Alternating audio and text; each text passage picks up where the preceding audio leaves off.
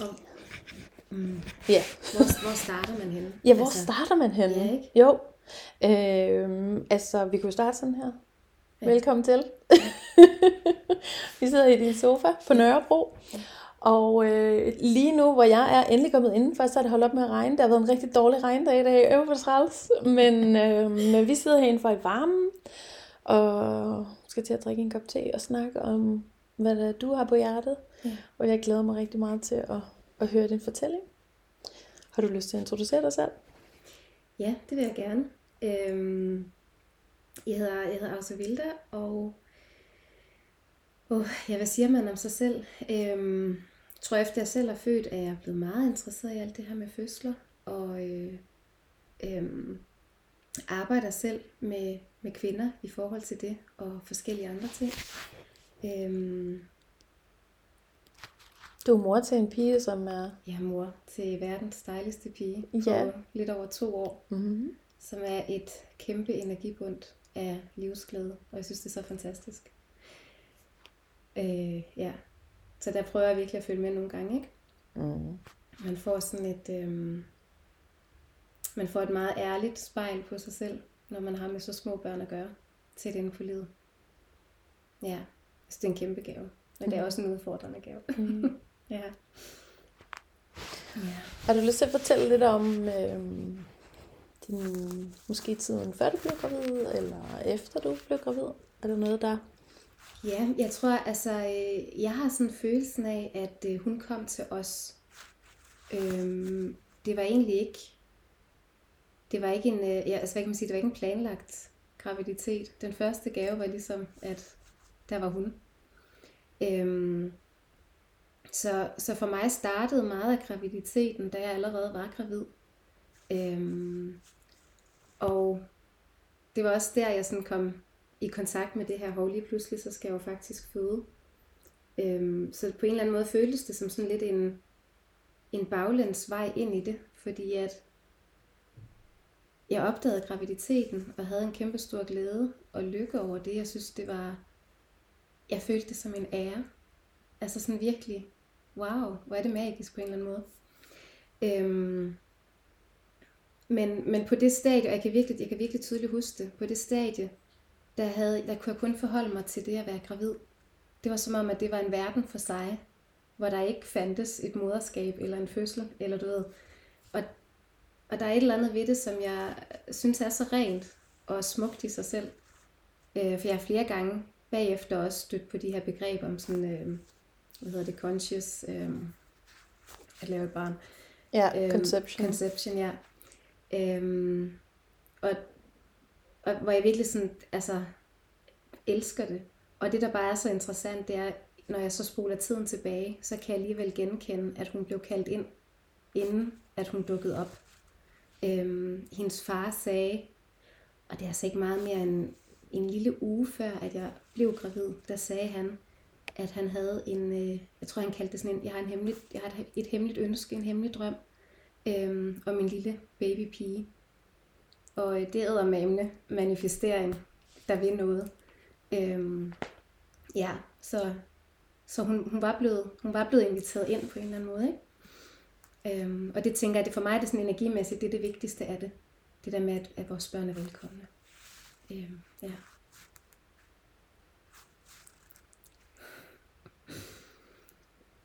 Hmm. Hvordan var det for dig at være gravid? Jeg elskede det. Øhm, det var igen sådan en følelse af, af ære at få lov til at bære rundt på et lys. Øhm, jeg havde, altså jeg ville ikke kalde det gener. Jeg havde rigtig mange plukkevejer, som jeg fik øh, allerede meget tidligt. Og var også inde til sådan ekstra undersøgelser, fordi det er lidt forskelligt om, om folk reagerer på, ekstra, altså på mange plukkevejer som en udfordring, eller som for mig var det bare noget, der var der. Var der. Det var min måde at være gravid på, hvordan jordmor der sagde til mig. Og jeg synes, det var så fint. Øhm, så noget af det, jeg kom i kontakt med der, det var en oplevelse af sådan at blive tvunget i ro. Tvunget til en langsomhed. Jeg begyndte at gå langsommere, og noget af det første, jeg bemærkede. Øhm, og jeg synes, det er sådan en spøjs tid. Og det var igen det her med, at der var jo ikke så meget tanke på det. Så der, så der var en renhed over det. Men der går jo noget tid før, at omverdenen ved, at man er gravid. Øhm, så det kan jo føles lidt som sådan en hemmelighed, man bærer rundt på. Og så gik det ret hurtigt derefter, fordi så, jeg havde også kvalme og alle den slags ting. Og på en eller anden måde synes jeg, det var meget rart at kunne mærke det. Altså jeg har taget de der symptomer som, øhm, som, som beskeder på, at, at det var i gang på en eller anden måde. Øh, og jeg tror egentlig, jeg følte det som en god måde at komme i kontakt med mig selv. Fordi når man har plukkevejer, så, så stopper man op. Altså du ved, det bliver man, ja, det bliver man lidt nødt til. Øhm, Når du tænker tilbage, har du så den der fornemmelse, at du, at du var meget hurtig, før du blev gravid? Eller alt for hurtigt. Ja. Og jeg har, og det er sådan en, noget af det, jeg hyppigst hører andre sige om mig, er, at jeg er enormt rolig. Og jeg kan godt have svært ved selv at genkende det. øhm, fordi at jeg har egentlig altid haft en hurtighed, og hvis noget lige skulle du du du ordnes, øhm, så er jeg bare god til lige at du du du få det gjort. Øhm, og, og også det der med, at nogle gange er det jo bare oven i ens hoved. Jeg kan have rigtig meget sådan mental tryk. Øhm, mental kapacitet kunne man også kalde det, hvis man lige havde lyst til det. Og der har bare på en eller anden måde altid været sådan drøn på, mange ting i luften, øh, halse fra det ene til det andet. Øhm, og jeg tror også, det var derfor, den, den landede så, så blødt i mig, det der med, at hov, jeg er faktisk begyndt at gå langsommere. Det var en af de der, hvor jeg sådan virkelig oplevede, øh, øh, ja, at altså det her, det har også en betydning for mig. Øhm, det, er ikke, det er ikke kun, at jeg bygger et barn, det er også noget med, hvem er jeg? Øh, hvad sker der herinde?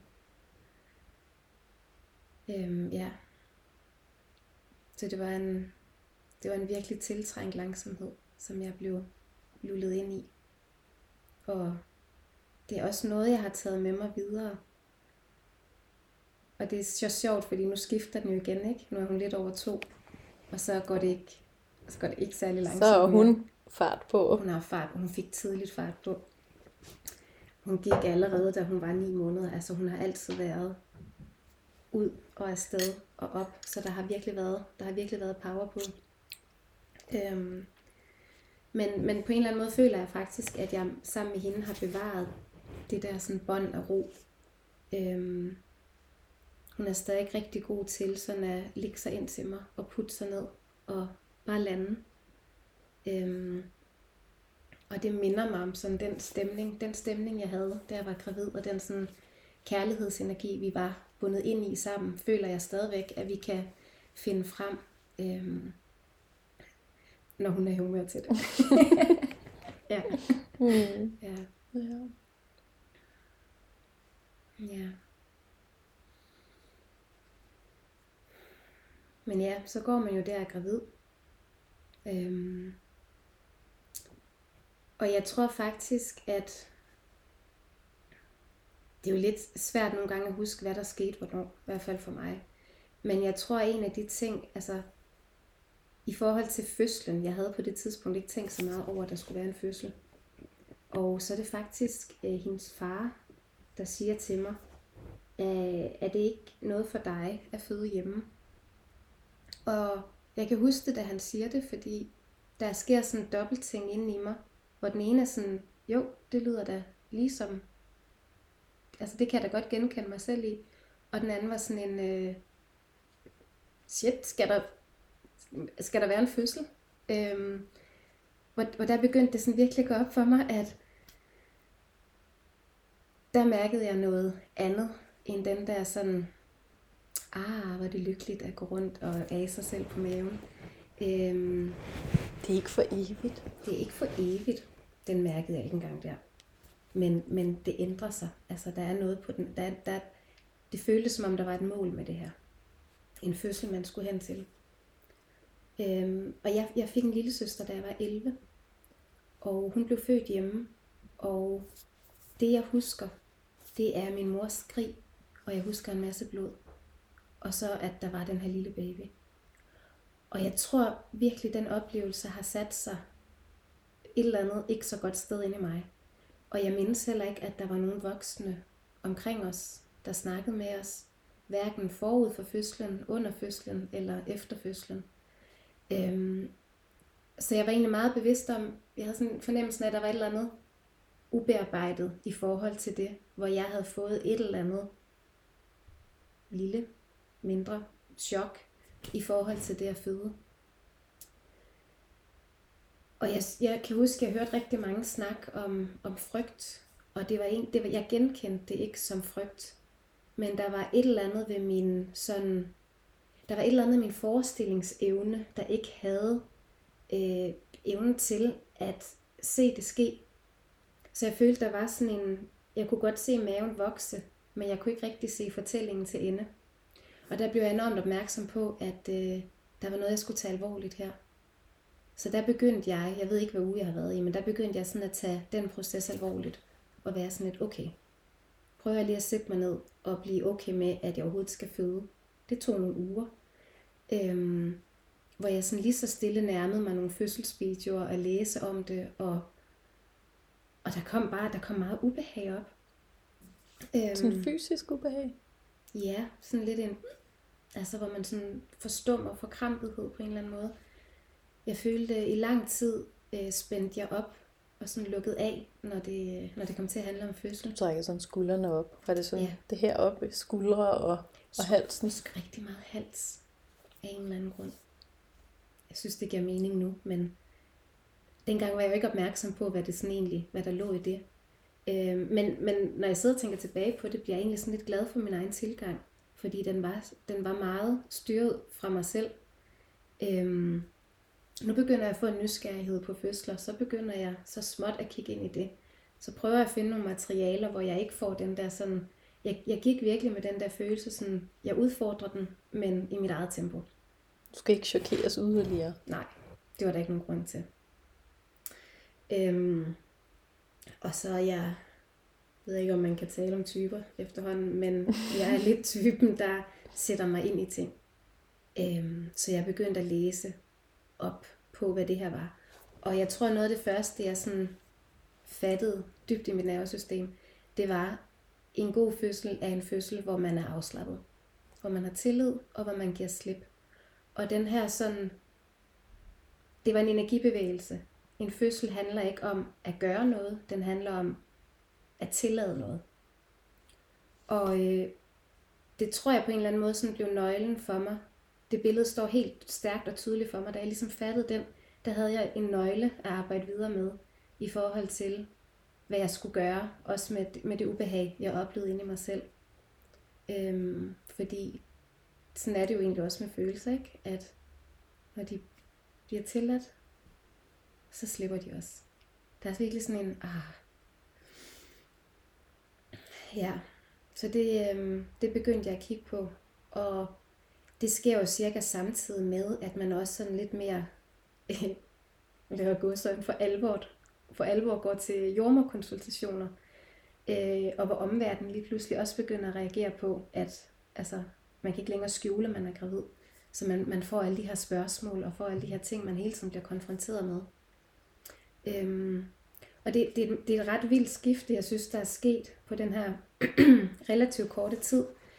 Fordi allerede der husker jeg faktisk at stå meget stærkt i min egen sandhed, uden at jeg måske helt havde fået defineret, hvad det var. Jeg kunne bare mærke energetisk, når folk sagde noget til mig, der fik mig til at spænde op, så vidste jeg, det er noget, jeg ikke skal gå med. Øhm, og så gik jeg ind rigtig meget selv og tog ansvar for at tage de svære snakke, også med min konsultationsjordmor. Øhm, når der var noget, jeg spændte op på, hvad handler det så om? nu bliver jeg lidt trigget af kulturen, af de forventninger, der ligger, eller hvad det nu kunne være. Og så allerede der, mens jeg var gravid, længe inden jeg skulle føde, at tage snakkene og forhandlingerne øhm, med jordmor og så videre. Det føltes enormt vigtigt for mig, fordi det hjalp også mig til at finde frem til, hvor jeg selv stod henne. Øhm, Hvad var det for eksempel for nogle forhandlinger? Kan du huske nogle af dem? Jeg var til, altså den der står klarest for mig, fordi det oplevede jeg virkelig som ubehageligt. Jeg var til en, øh, en fødsel, hos en fødselslæge, øhm, der, der sagde to ting, der sådan virkelig gjorde mig øh, angst for, for at skulle føde på et hospital. Jeg udtrykte et ønske om, at jeg gerne vil føde hjemme, og hun sagde, nu må vi se, hvad din jordmor kan anbefale. Og allerede der var jeg altså tilpas godt med i litteraturen, så jeg kunne sige, hov, jeg har brug for lige at høre dig. Hvad skulle der være af indikationer på, at jeg ikke kan føde hjemme? Fordi der, altså, du ved, det var en helt normal graviditet. Og det kunne fødselslægen jo ikke svare på. Øhm, men holdt alligevel fast i sådan, lad os nu lige høre, om hun synes, det er en god idé. Hvor inde i mig var sandheden, det er, det er ikke, om hun synes, altså om jordmoren synes, det er en god idé, det om jeg synes, det er en god idé. Øhm, det var den ene, og den anden, som jeg virkelig synes var hård, det var sådan en meddelelse om, hvis, hvis ikke du vil samarbejde, bliver det værst for dig selv. Hvem sagde det til dig? Det sagde fødselslægen til mig. Og det oplevede jeg faktisk som, altså mit, mit nervesystem oplevede det som en trussel. Det, det lyder også som en trussel. Jeg, jeg, jeg vil kategorisere det som en trussel. Hvad tror du, personen har ment med det? Jeg tror, at personen har øh, følt sig usikker på alt det der med hjemmefødsel. Øhm, jeg, jeg valgte selv at, at komme i sårbarhedsteam, øhm, fordi at jeg har noget traume fra min barndom. Jeg har også haft et lidt større knæk i mine midt 20'ere, så jeg ved, jeg vidste ligesom bare, at jeg var i det, man vil kalde risikogruppe. Og for mig var det et power move. Altså, det var at tage ansvar for min egen proces, og jeg ved, jeg har en forøget risiko, og det vil jeg gerne allerede nu øh, sørge for, at rammerne er der til, hvis jeg skulle få brug for det. Jeg havde overhovedet ikke nogen forventning om, at jeg ville få brug for det, men jeg synes, det var den ansvarlige ting at gøre. Øhm, og, og det, jeg synes, jeg blev mødt med, det var, at, at jeg var sårbar. Altså lige, lige pludselig følte jeg, at jeg blev gjort til en sårbar, en, en sårbar kvinde, der sådan skulle hjælpes. Og det var som om, der var et eller andet, der triggede. Øhm, det er så svært at læse, altså at gisne om andres intentioner. Men der var et eller andet med det der med, at jeg var en sårbar gravid, at så skulle jeg passes lidt ekstra på. Og så var der nogen uden for mig, der skulle vurdere, øh, hvad der ville være godt for mig. Så det tror jeg dels, og dels tror jeg måske sådan en, en usikkerhed. Hvad ligger der egentlig i at være sårbar? Hvis ikke man ved det, så kan, det, kan man godt øh, forfalde til at blive lidt utryg ved det. Øhm, går hun i stykker? Hvad kan der ske? Så jeg tror, det var sådan noget. Og jeg, jeg kan huske, jeg tog de der snakke, diskussioner, jeg ved ikke rigtig, hvad man skal kalde dem, men også som perspektiver i forhold til prøvede at møde fødselslægen i den forståelse, øh, hun kom fra.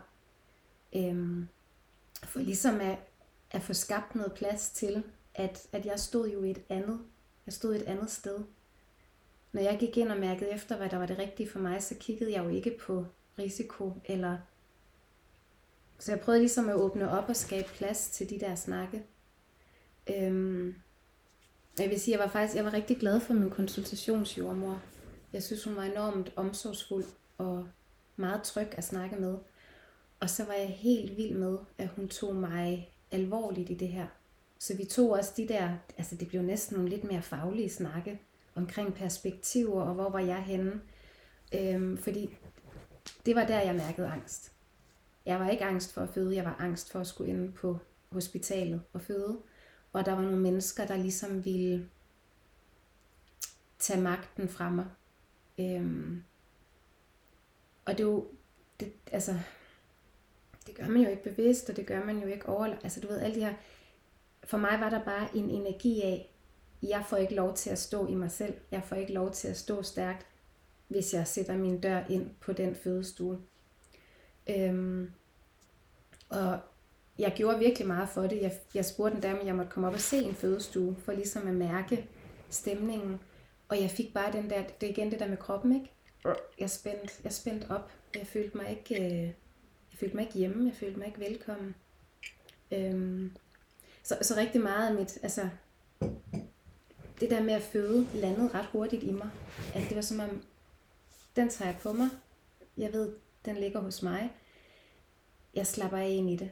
Det der med at føde på sygehuset, det er endnu ikke til dags dato kommet over, at, at, øh, at det kunne have været en mulighed. Øhm, og jeg, jeg tror ikke, jeg vidste simpelthen ikke, hvordan jeg skulle komme igennem det. Jeg endte med slet ikke at pakke en taske til hospitalet. Det lå hele tiden, at selvfølgelig gør man det. Igen, det er det ansvarlige at gøre. Man ved aldrig, hvad der sker. Men, men jeg havde simpelthen sådan en, en låsthed, en blokering i forhold til det, der gjorde mig øh, ja, bange. Ja. Jeg endte med at føde hjemme. Så det var ret dejligt.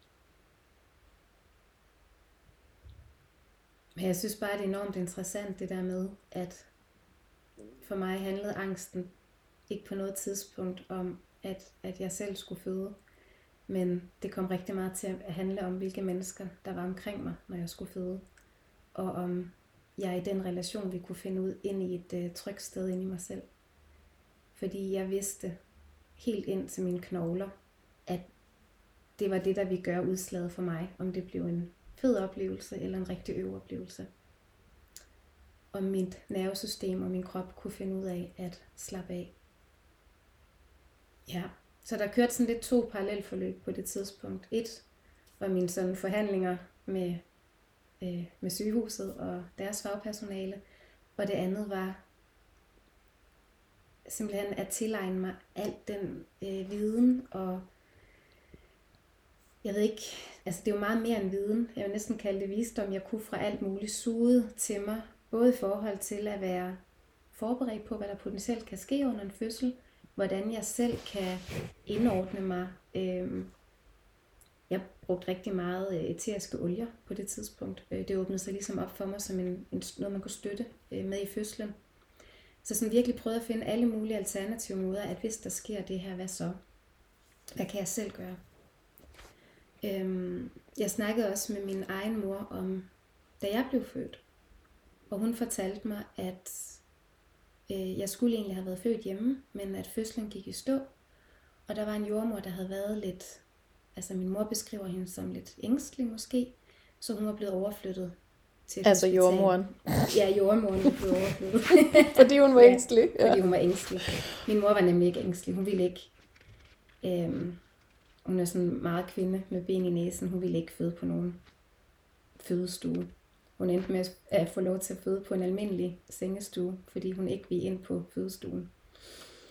Øhm, ja, så der er jeg født, men, men, men jeg var meget opmærksom på det der med, at i mine celler ligger på en eller anden måde hukommelsen af, at en fødsel kan gå i stå. Så jeg tog rigtig meget hånd omkring, hvad kan man selv gøre, når en fødsel går i stå. Øhm, ja, og hvad er i stå overhovedet? Ja, hvad, der var ikke noget, der var gået i stå. Du ved, der var... Pause? Ja, og det var også sådan, min mor beskriver det. At hvis hun havde fået lov til at blive hjemme, så havde hun bare født hjemme. Ja. Ja, jamen den mærker jeg også. Øhm, men det var i hvert fald en af de der ting, hvor jeg sådan tænkte, her føler jeg, at jeg selv kan gøre noget ved at være forberedt. Øhm, jeg hører mange, eller jeg, eller jeg læser mange, jeg hører mange sige det her med som førstegangsfødende, der ved man jo ikke, hvad man går ind til. Øhm, og jeg har bare sådan lyst til at sige, at på et eller andet sted, der var, nogle, der var nogle tidspunkter i min graviditet, hvor jeg ikke vidste, hvad jeg gik ind til. Og selvfølgelig ved man det ikke 100% før man står i det. Men jeg synes, jeg kunne foregribe enormt meget. Simpelthen bare ved at putte masser af opmærksomhed ind på mig, min krop, mit nervesystem. Hvordan fungerer jeg, når jeg er presset? Hvad kan jeg selv gøre øh, for at bringe mig selv i ro, hvis det skulle ske, at jeg blev presset? Når jeg får den der spændt ophed i kroppen, hvad er det så egentlig, jeg har brug for? Øhm, havde enormt meget bevidsthed og nysgerrighed på, hvordan at jeg fik guidet mig selv hen i et øh, behageligt sted at være. Øhm, og så begyndte jeg også at bruge visualiseringer. Jeg har altså haft sådan meget øhm, stærk kontakt til indre billeder, så for mig lå det sådan lige til højre benet. Og jeg begyndte simpelthen jeg begyndte at mærke, sådan føles det, jeg begyndte at mærke ind på min egen fødsel. Altså ikke da jeg blev født, men at jeg skulle føde. Og havde en fornemmelse af, sådan fra overgang til overgang, hvad sker der der, hvordan føles det i kroppen, hvad kommer jeg til at have brug for i det stadie. Øhm, og interessant nok, når jeg lavede de der visualiseringer, så var der et punkt, hvor det føltes lidt svært at komme igennem. Og jeg ved jo ikke, hvor jeg selv, hvor der selv var en pause, da jeg blev født, men der var bare på en eller anden måde sådan en ret fin parallel i, at det gik fint, og så var der lige et eller andet, hvor det sådan blev lidt træt, eller energien blev sådan lidt tung på en eller anden måde, hvor jeg sådan mentalt skulle lidt kæmpe, eller sådan presse igennem visualiseringen, for at få det her barn født helt til verden. Men jeg blev, jeg blev ved med at gentage den der visualisering, at barnet trænger ned og drejer, øhm, indtil at det, at det gjorde det af sig selv. Øhm, og det er så vildt, fordi da jeg stod i min fødsel, der havde jeg oplevelsen af, at der skete præcis det, som jeg havde. Altså jeg følte, at jeg havde visualiseringen helt med ind i fødslen, og det var lige præcis det, både baby og min krop gjorde. Øhm, og ja, det var virkelig sådan en, et kyldegu, kyldegu, hvad hedder det, kuldegys øh, moment af sådan, wow, hvor er det fantastisk. Altså, det sker jo af sig selv. Men af sig selv betyder også i den grad, hvor vi har os selv med ind i processen. Øhm, ja. You know, du sidder og nikker. Wow. Ja. ja. det sker af sig selv. Vi skal også have os selv med. Ja. Ellers, fordi så stopper, hvis ikke vi har os selv med, så stopper vi den der naturlige, det sker af sig selv. Det er, det er sådan, jeg beskriver det, der skete i min krop, at jeg spændt op. Ikke? Det er jo et stop. Så stopper man. Det er jo, øhm, og det er, jo, det er jo det, der sker, hvis man lige bliver bange, eller føler, man er ved at miste sig selv, eller et eller andet. Ja, uh, ja og så stopper alt. Ja, så rigtig meget af min opmærksomhed lå der. Øhm, og så husker jeg det bare, jeg husker det virkelig som en kærlig tid, fordi at det var jo også, det var også en følelse af at bonde med baby og skabe kontakt. Og jeg lavede også den øvelse, at jeg sådan prøvede at tale til hende brugt billederne inde i mit eget hoved til at vise hende øh, vejen ud, hvis man kan sige det sådan. Og ja, jeg tror, jeg, jeg følte en stærk forbindelse. Øhm, og det, der så rigtig meget kom til udtryk under fødslen, det var, at jeg følte virkelig, at der var et stærkt, stærkt samarbejde. Øhm, jeg fødte i vand, sådan faktisk lige der, en meter fra, hvor vi sidder. det er derfor, der er så god karma i det her rum. Præcis, ja. Fyldt med fødekarma. Mm.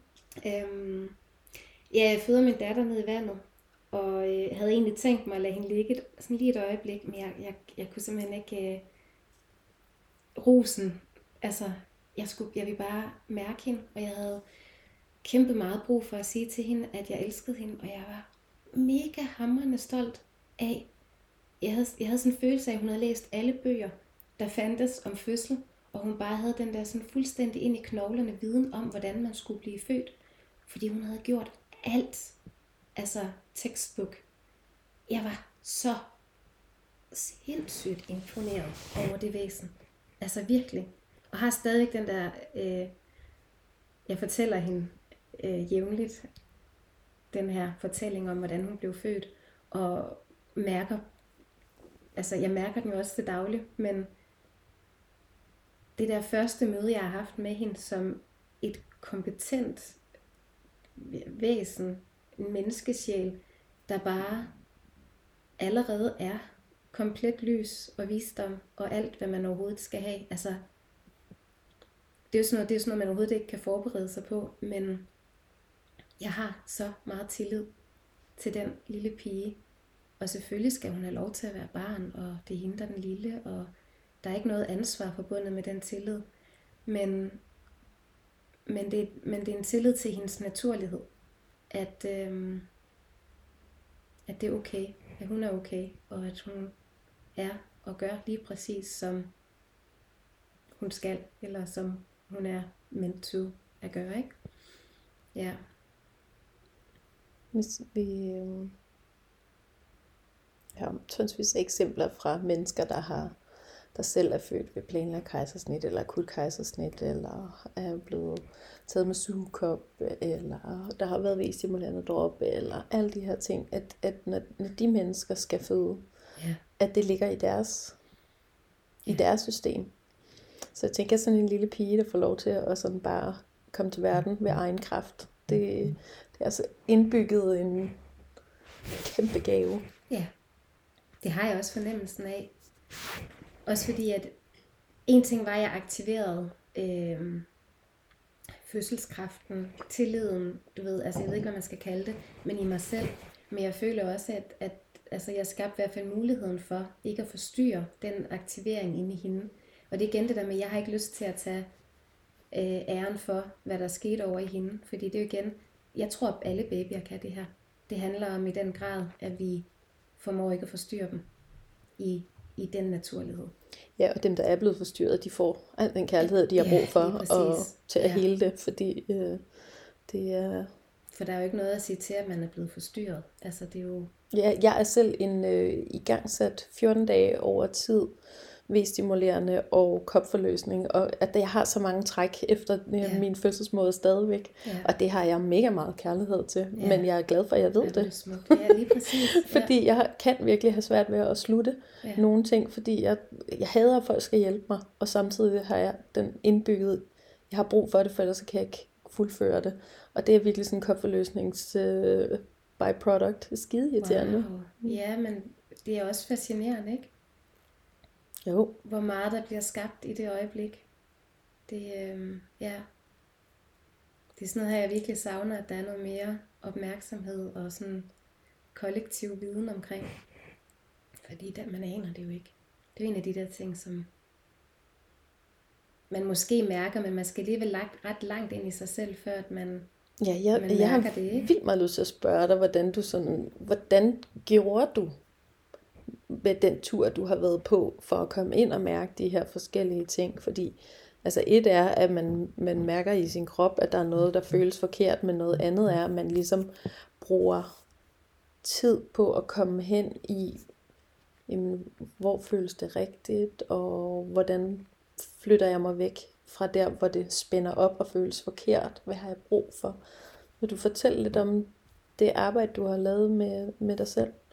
Ja, jeg er lidt i tvivl om, hvad jeg egentlig kan sige om det, fordi at der er noget af det, der føles som sådan en... Øhm, det gør man da. Altså, eller eller du ved, hvad, hvad skulle jeg ellers bruge min tid på? Mm. Men jeg kan også bare omvendt genkende, at det ikke er noget, jeg har gjort i hele mit liv. Øhm, og jeg tror, at det der sådan er forskellen, det er i hvilken grad man, eller for mig har det været forskellen, i hvilken grad tager jeg mig selv alvorligt. Øhm, også forstået på den måde, altså tænker, det ligger lige til højre ben at snakke om sådan noget som, hvad er jeg værd? Hvad fortjener jeg? Øhm, både af andres støtte, men også i forhold til en selv. Hvor mange af mine, altså hvad betaler jeg egentlig for de begrænsninger, jeg lægger på mig selv? Øh, fordi det er ikke nemt at slippe. Det er slet ikke nemt at skifte retning, eller ja, altså noget af det, der, altså noget af det, der har skubbet mig, har altid været, jeg har altid følt, der har været sådan et, et univers. Altså når jeg er gået tilpas meget forkert, så er jeg blevet skubbet tilbage, eller decideret væltet om kul. øhm, og de første par gange, du ved, der tager man jo ikke det ind. Men altså når det er sket tilpas mange gange, så begynder man sådan at kigge lidt omkring sig, kigge lidt opad, og egentlig få den der sådan, hov, tak. Altså så begynder man at kunne genkende et mønster i det, ikke? At der er ikke nogen, der skubber til mig, når jeg, når jeg er på rette vej, eller sådan, når, jeg, når, jeg, når jeg gør det, der er sandt for mig. Øhm, så bliver jeg jo egentlig ikke forstyrret i min proces, når jeg sådan står ved mig selv og alle de her ting. Så jeg tror, det er sådan øhm, klog erfaring på en eller anden måde. Øhm, og for mig er en fødsel bare ikke kun det at føde et barn. Altså, der sker fødsler hele tiden. Altså, når vi starter nye projekter, når vi tager et nyt skridt i vores øh, udvikling, når vi øh, rækker ud efter en relation, som vi ikke har, på en måde vi ikke har rækket ud på før. Øhm, alle de her ting er jo små fødsler. Øh, og det tror jeg også, altså,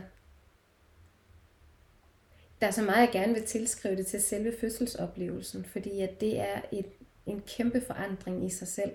For mig var det som om, at der var sådan en, øh, en portal, der bare blev skudt åben. Øhm, og jeg tror ret meget på, at den portal allerede er der under graviditeten. At det er dig, jeg har hørt sige det der med, at vi kan rykke os i et kvantespring, når vi er gravide, ikke? Mm-hmm. 6-7 års udvikling. Øhm, og den havde jeg ikke sådan...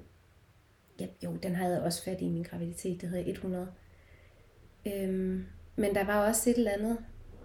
Det gør et eller andet ved en som menneske, at man stiller sig selv til rådighed som portal for sådan en energiudvidelse. Det er, at et barn kommer earthside. Altså, det er, jo, det er jo virkelig nogle vilde energier, der er på spil. Øhm, og jeg tror egentlig også, at det har været, jeg har forstået, jeg har på et eller andet plan forstået det, forud for jeg selv fødte. Og jeg har et par gange sagt, at min bedste fødselsforberedelse, det har været de ting, jeg har lavet i mit liv, der har haft en bevidsthedsudvidende faktor. Øh, for eksempel bare det at sidde i ceremoni i 8 timer, at holde så koncentreret et fokus i en kærlig energi, hvor man har energier kørende, der gør et eller andet, og man egentlig bare sidder og holder rummet for det. Øhm, alt, der hedder fødselens faser, og alt det, der man normalt sådan bliver undervist i til fødselsforberedelse, det var forstyrrende elementer for mig. Øhm, min aktive, eller hvad hedder det, min latente fase, det er det, det er populært kaldet Netflix-fasen, var jo altså det absolut værste for mig. Og jeg havde sådan en følelse af, da, da jordmoren kom ind ad døren herhjemme, der havde jeg sådan en følelse af, at nu er jeg aktiv fødsel, yes, det kører. Og så var hun sådan, nej, du er faktisk ikke i aktiv fødsel endnu. Og der havde jeg en kæmpe krise, fordi jeg var sådan lidt, okay, i min bevidsthed, jeg var i aktiv fødsel, og så var der to skridt mere. Og så var der en fødsel, og jeg var sådan lidt, okay, det skal nok gå. Og så siger hun, at jeg står et skridt længere nede på trappen, end jeg selv tror. Og det der med, at der lige pludselig kommer et skridt mere, end jeg kan forestille mig, det er faktisk lige ved at tage modet fra mig. Øhm, og der husker jeg faktisk meget konkret i den situation, at jeg sådan bevidst tager en beslutning om at tage alt det, der hedder faser og minutter, og hvad ved jeg, og smide det, køre det ud til siden. Øh, ud af rummet. Det har ingen plads her. Og så simpelthen bare læne mig ind i, der er ingen vej tilbage, nu må der ske, hvad der sker. Jeg er her bare. Jeg oplever det. Og det tror jeg egentlig var sådan ret det var ret vigtigt for mig, fordi det var der, jeg, øhm, det var der, jeg for alvor formåede at træde ud af mit hoved og ned i min krop. Og at være og at tillade det, der sker, i stedet for sådan mentalt at tro, at jeg kan indfange det på forhånd. Øhm, fordi det kunne jeg ikke. Det, og det forstyrrede helt vildt. Så alle de der sådan konkrete ting, dem havde jeg brug for at køre væk. Det hjalp mig ikke. Øhm, men det der med at holde space, det der med at, at vide, at alt kan komme op. Alle følelser. Det kan være en lykkerus. Der, kommer der, også, der var der også angst i mit fødselsrum. Jeg havde sådan en følelse af, at jeg hele tiden gik på line. Og på den ene side, der var alt det gode, og på den anden side, der var der bare frygt og angst og alt muligt kaos. Og jeg følte fra sekund, mikrosekund til mikrosekund, at, jeg, at det var et valg, jeg kunne tage. Jeg havde hele tiden muligheden for at dreje af og blive bange og give op, eller det var, hvad det føltes for som mig, ikke? Øhm, men at give ansvaret fra mig. Eller jeg havde muligheden for at blive stående og holde ansvaret hjemme hos mig selv. Og så bare lukke helt af for alle de dele af mig, der kunne finde på at være i tvivl, eller hvad ved jeg, fordi de er der jo stadigvæk. Det er jo ikke sådan, at dem, dem kan man jo ikke parkere udenfor. Nej. Øhm, så der er jo meget inde i en selv, der godt kan gå ind og forstyrre i sådan en, en fødsel. Og der tror jeg, det er ret vigtigt at have været i en eller anden form for proces, hvor man har en fornemmelse om, hvad man gør med den slags energier, øhm, når de dukker op. Jeg oplevede, altså, det, det, var, det var en af de ting, jeg sådan havde set i, i øh, mange af de her visualiseringer, jeg lavede. Jeg prøvede også sådan at tune ind på, hvem guider mig, hvem er i rummet. Og jeg blev ved med at se bare mig selv, og øh, vandet, og nogle sten. Øhm, jeg, jeg var oppe og hente sten op øh, på Nordsjælland, et sted fra stranden, som ligesom blev min fødselssten, for der var, der var bare et eller andet meget symbolsk ved de der sten. Øhm, men, men du ved, altså, jeg, jeg så bare ikke andre. Så jeg blev ved med, jeg følte også, at der var sådan en, en anden slags guidning til, at jeg skulle tage ansvaret for det her på mig selv. Det her det er en efterreflektion, men det føltes på en eller anden måde som sådan en eller anden form for initieringsproces. Altså, vil du stå ved dig selv, eller vil du ikke? Agtigt. Øhm, ja. Jo, og så følte jeg, følte jeg mig egentlig også, og det er igen den der sådan portal, der åbner op. Jeg var jo, jeg, havde, jeg var jo meget mere åben, end jeg har altid været åben, men jeg følte, jeg havde adgang til en anden slags energi, der ligesom begyndte at tale til mig. Øhm, og brugte det helt aktivt i både graviditet og fødsel. Jeg tog, jeg tog ud i skoven og hentede øhm, sådan en shamanistisk rejse, hentet, øh, ja, hvad kalder jeg det, sådan fødsels, åndelige fødselshjælpere. Øh, og connected der, både med en guide, der ligesom kom og, øh, og spurgte, om den måtte passe på baby, og sørge for, at hun landede trygt og sikkert. Og det måtte den selvfølgelig gerne. Øhm, jeg fik et billede på øh, fødselskraften, hvordan den bevæger sig energetisk. Stod sådan en vild kvinde og dansede, mens hun brølede. Mm. det var virkelig fedt. Var det en lysning, eller hvor var hun? Nej, jeg, jeg ser det i mit indre. Ja. ja, men hvor var det i dit indre? Hvor det så var, du det? Um, hmm. Ja, det var sådan et magisk sted, som jeg simpelthen ikke ved, hvad jeg skal kalde. Det var, øh, jeg, rejste, jeg rejste ned til underverdenen, og øh, der stod, der var simpelthen en fest dernede. Der stod, øh, det var som om, at alle underverdenens skabninger var samlet for at tage imod mig og min baby. Og der var sådan en kæmpe stor yes-følelse på, at øh, vi var her. Og jeg havde sådan en følelse af, at vi allerede der blev sådan fejret. Altså, det var deres fødselsdag, vi blev hæppet. Mm. Øhm, så det var virkelig sådan noget med, at altså, det igen, det var, altså, ja, jeg ser meget billeder, men, men jeg skulle ligesom have galejtet de der sådan åndevæsener lidt væk. fordi at, altså, mm. jeg var der ikke for, at vi skulle fejre noget.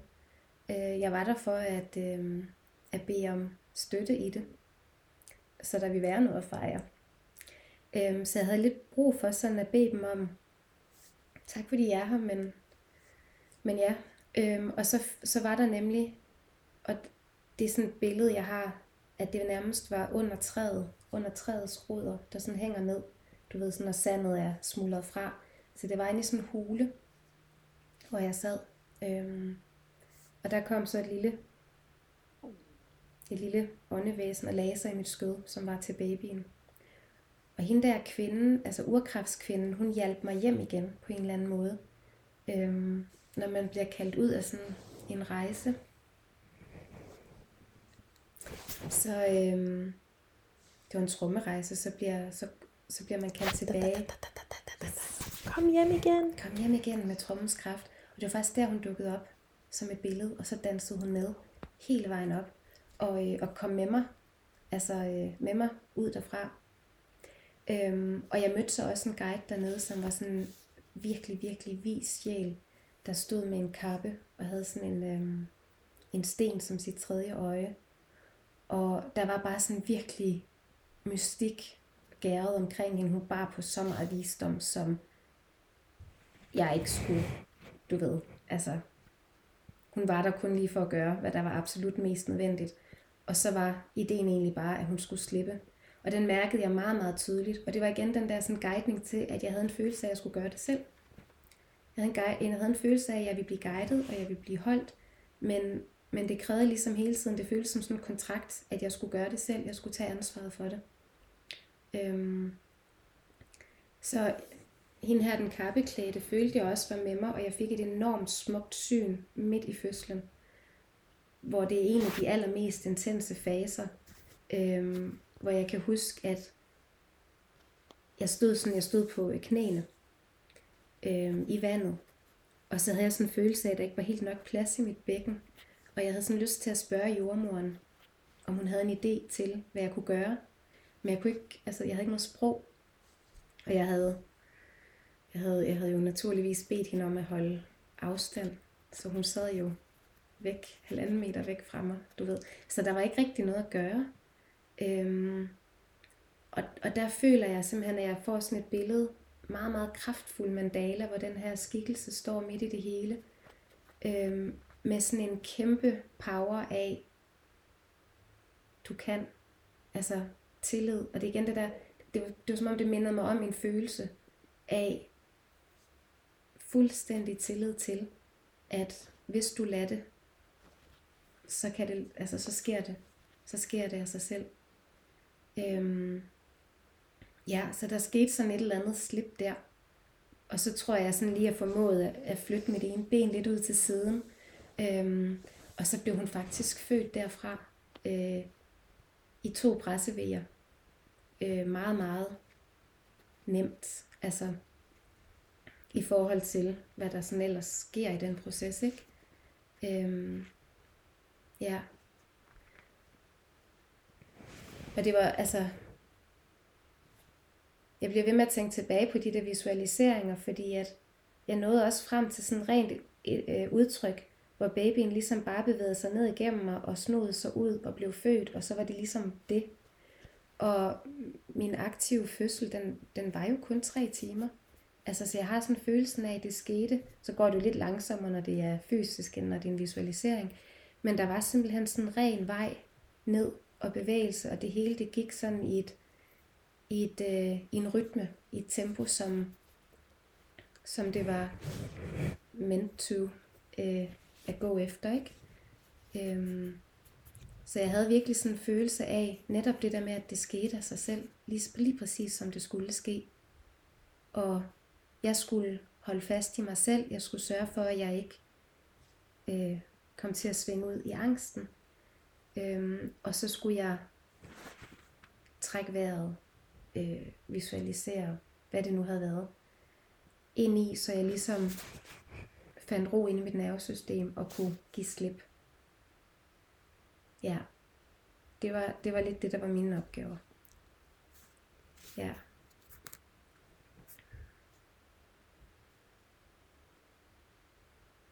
Og det gjorde du? Ja, det gjorde jeg. Det gjorde jeg jo virkelig.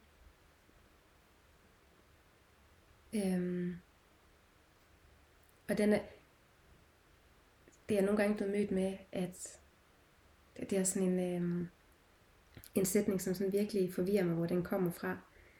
Men at øh, så fortæller jeg, at jeg, har, at jeg født hjemme. Nej, det er i forbindelse med, at jeg selv tog imod mit barn. Øhm, netop fordi jeg havde bedt om den der afstand så, så måtte jeg jo også selv tage imod hende. og øh, og det, det er sådan noget, der, og det er igen det der med, jeg havde, altså jeg havde ikke noget sprog i den der fase. Øhm, men det gik bare op for mig der, at jeg, jeg havde glemt at læse det kapitel. Så jeg vidste faktisk ikke, hvordan man gjorde, hvordan man skulle tage imod et barn. Og jeg, jeg åh, altså du ved, og det er igen bare den der, jamen der er jo ikke noget at gøre. Altså, det, det må jeg lære i det her øjeblik. Og så, øhm, igen, jo mindre tanke man kan putte på det, jo mere giver det bare sig selv, fordi så gør man jo det. Dyrene gør det jo også, ikke? Ja, præcis. Ja. Øhm, men sværere er det ikke, men det er igen det der med, altså jeg kan bare, jeg kan huske tanken sådan, Hvordan gør jeg? Ah, må jeg godt? Er det, oh, er, altså virkelig den der sådan, må jeg godt? Øhm, så den har også ramt mig efterfølgende, at sådan har sagt, jamen jeg tog imod mit eget barn. Mange reagerer med, ej hvor du heldig, du fik lov til det. Ja, og jeg, jeg føler mig heldig. Altså jeg føler mig, jeg vil hellere sige privilegeret. Jeg føler mig sindssygt privilegeret over at kunne have oplevet så smuk en fødsel. Og så samtidig så har jeg også bare lyst til at tage lidt af æren hjem. Eller sådan. Ja, for hvorfor skal det være et privilegie? Jeg havde med også forberedt mig. Altså jeg havde virkelig også gjort mit arbejde, og jeg havde virkelig også grædt og set på mørket og mærket alt det, der gjorde ondt. Mærket mine egne sorger fra barndomstraumer. Øh, i relation til morrollen. Og så er der ikke så var der inde i mig ikke alt, der blev ryddet op, og så måtte jeg jo ligesom tage noget af det i efterfødselstiden. Altså du ved, det er ikke fordi, det bare er lutter lavkage, men, men igen det der for mig, og det er også et valg, jeg tog, men for mig var det så vigtigt, at begyndelser er vigtige.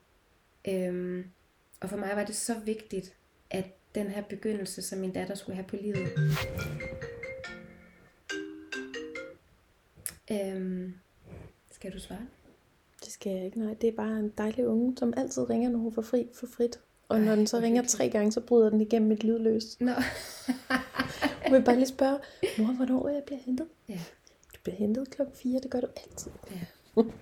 Sorry. Ej, det nej, overhovedet ikke. Det er så sødt, hun gør det. Elsker.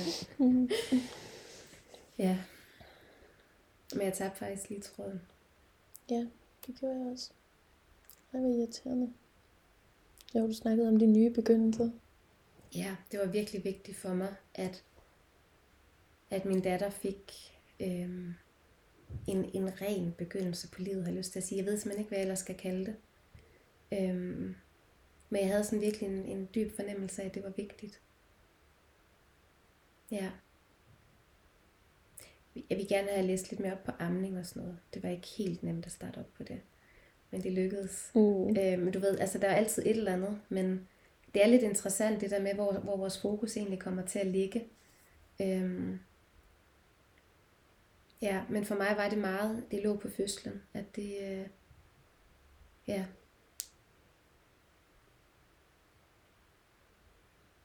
Ja, Ja, og så, så starter moderskabet ja, der. det gør det nemlig. Med alt, hvad det indebærer. Ja, Og jeg bliver selvfølgelig mærke det, du siger med privilegiet, ikke? Altså, jeg vil ønske, at vi kunne gå sammen, os kvinder, og dem, der støtter kvinder, der skal Ja. føde, om at gøre os opmærksom på, at det er ikke et privilegie, det er noget, det er noget vi skal, for vi skal være mødre, ja, og vi vil hjælpe hinanden til at tage det ansvar, det er, Ja. fordi vi kan ikke lægge det fra os. jeg er meget enig. Men det er ikke så nemt. Nej, det er det virkelig ikke. Og hvis jeg skal være helt ærlig, hvis du nu har spurgt mig, at jeg skulle være helt ærlig, så følte jeg mig ikke specielt støttet. Og det betyder jo ikke, at jeg overhovedet ikke mødte støtte. Altså selvfølgelig gjorde jeg det, og så finder man noget hist og pist. Men generelt set, hvis jeg sådan skulle lægge støtten, jeg fik på en vægtskål, og modarbejdelse eller ikke støtten, jeg fik på en anden, så var det altså den, der vi veje tungere. Den Øhm. ikke støttende del. Den ikke støttende del, ja. Bare på spørgsmål, altså bare på, at jeg siger min drøm i verden, jeg vil gerne føde hjemme. Ej, tør du godt det? Hvad hvis du bliver overflyttet, og baby hænger ud? Du ved, det var sådan nogle billeder, hvor jeg sådan tænkte, Ja, hvis man er i forvejen en rimelig visuel person, så, så er det endnu det er sådan noget, jeg ikke kan slippe. Ja. Altså, jeg kan, godt, jeg kan godt slippe min tilknytning til dem, og min sådan frygt for dem, og sådan ligesom få dem placeret. Men du ved, Men det kræver arbejde det, hver det kræver gang. nemlig arbejde hver eneste gang. Mm. Og jeg kunne, jeg kunne godt tænke mig, at vi netop som du siger, som kvinder blev bedre til at støtte hinanden, men virkelig også ære hinanden. Og skabe rum og kærlighed til at kunne være i de processer, der er i gang som gravid, og som er det, man skal fokusere på, i stedet for, at der begynder at komme alle de der andre ting.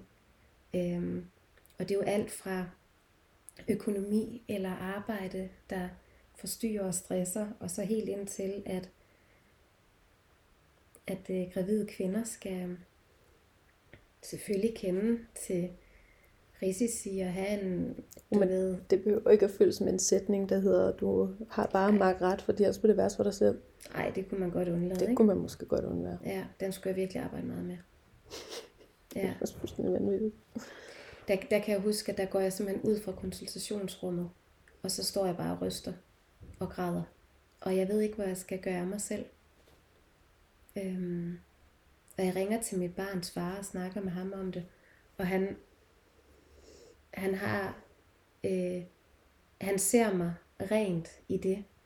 Og kan også fortælle mig, at det jo ikke, altså, det er jo ikke det, du skal tage med dig videre. Det er, jo- altså, jeg forstår godt, du er i proces omkring det, men, men, men lad, os, lad os tale om, altså, om det, der er vigtigt på en eller anden måde. Ikke? Fordi at det havde han jo helt ret i, og netop fordi man er så åben, som man er som gravid. Øhm, både det der, man har lettere til tårer, og alle de der ting, det er, jo, det er jo en sårbarhed. Og der har man altså brug for nogen omkring sig, der sådan, der godt lidt må altså, skærme, og I hvert fald lige bare tænke over, hvad de siger. ja, det, kunne- det kunne man starte med. Ja, fordi så havde vi faktisk ikke brug for noget, nogle skærme. Øhm, ja, ej, men det er meget vigtigt. Ja. Åndelige fødselshjælper, I do love that. Det er lige skridtet op fra spiritual midwifery. Vidunderligt. Jeg glæder mig til, at jeg skal være en åndelig midwife på et eller andet tidspunkt. Det glæder jeg mig også helt vildt meget det er sjovt, at jeg har faktisk lige haft kæmpe krise over, at når jeg slipper min, min krop med den viden, jeg har akkumuleret i det her liv, ikke, så er jeg bare sådan, pis, øv, jeg har lært så mange vildt dejlige ting, som jeg elsker at give til andre mennesker, og så slipper jeg det, og så er det bare, nå nej, så er det jo next level. Det er en ekstra. Så er det åndelig fødselshjælp. Det, Ja. ja. det, det bliver godt. Og det er altså også noget, jeg godt kunne ønske mig, der var lidt mere fokus på, fordi man, Mhm. har, en, man har en åbning der. Kæmpe åbning. Og jeg synes også, jeg hører det fra mange, det her med, at det er jo en bevidsthedsudvidelse. Det er jo en, en lykkerus. Altså du ved, der er mange begreber, der bliver brugt Ja, på det det. jo en fuldstændig psykedelisk oplevelse. Det er det jo, hvis man skal kalde det, hvad det er. Så hvorfor ikke gå ind og samarbejde med de psykedeliske kræfter, eller med, med den anden verden, øhm, som virkelig står på klem der, ikke? Jo, den er i hvert fald svær at modarbejde, når den først kommer og ruller ind over en. Ja, ja. Au. Så det er altså rart at have nogle venner Ja, derinde. som man selv har hentet. Ja, fordi så er det dem, der fylder, ikke? Fedt, mand. Jo, Ja. jeg er helt ked af, at jeg ikke skal have flere børn. Ja, du må opleve det fra den anden side af bordet. Præcis. Ja. Tusind tak for din fortælling. Det var virkelig meget, meget dejligt at lytte til. Selv tak. Tak fordi jeg måtte fortælle den.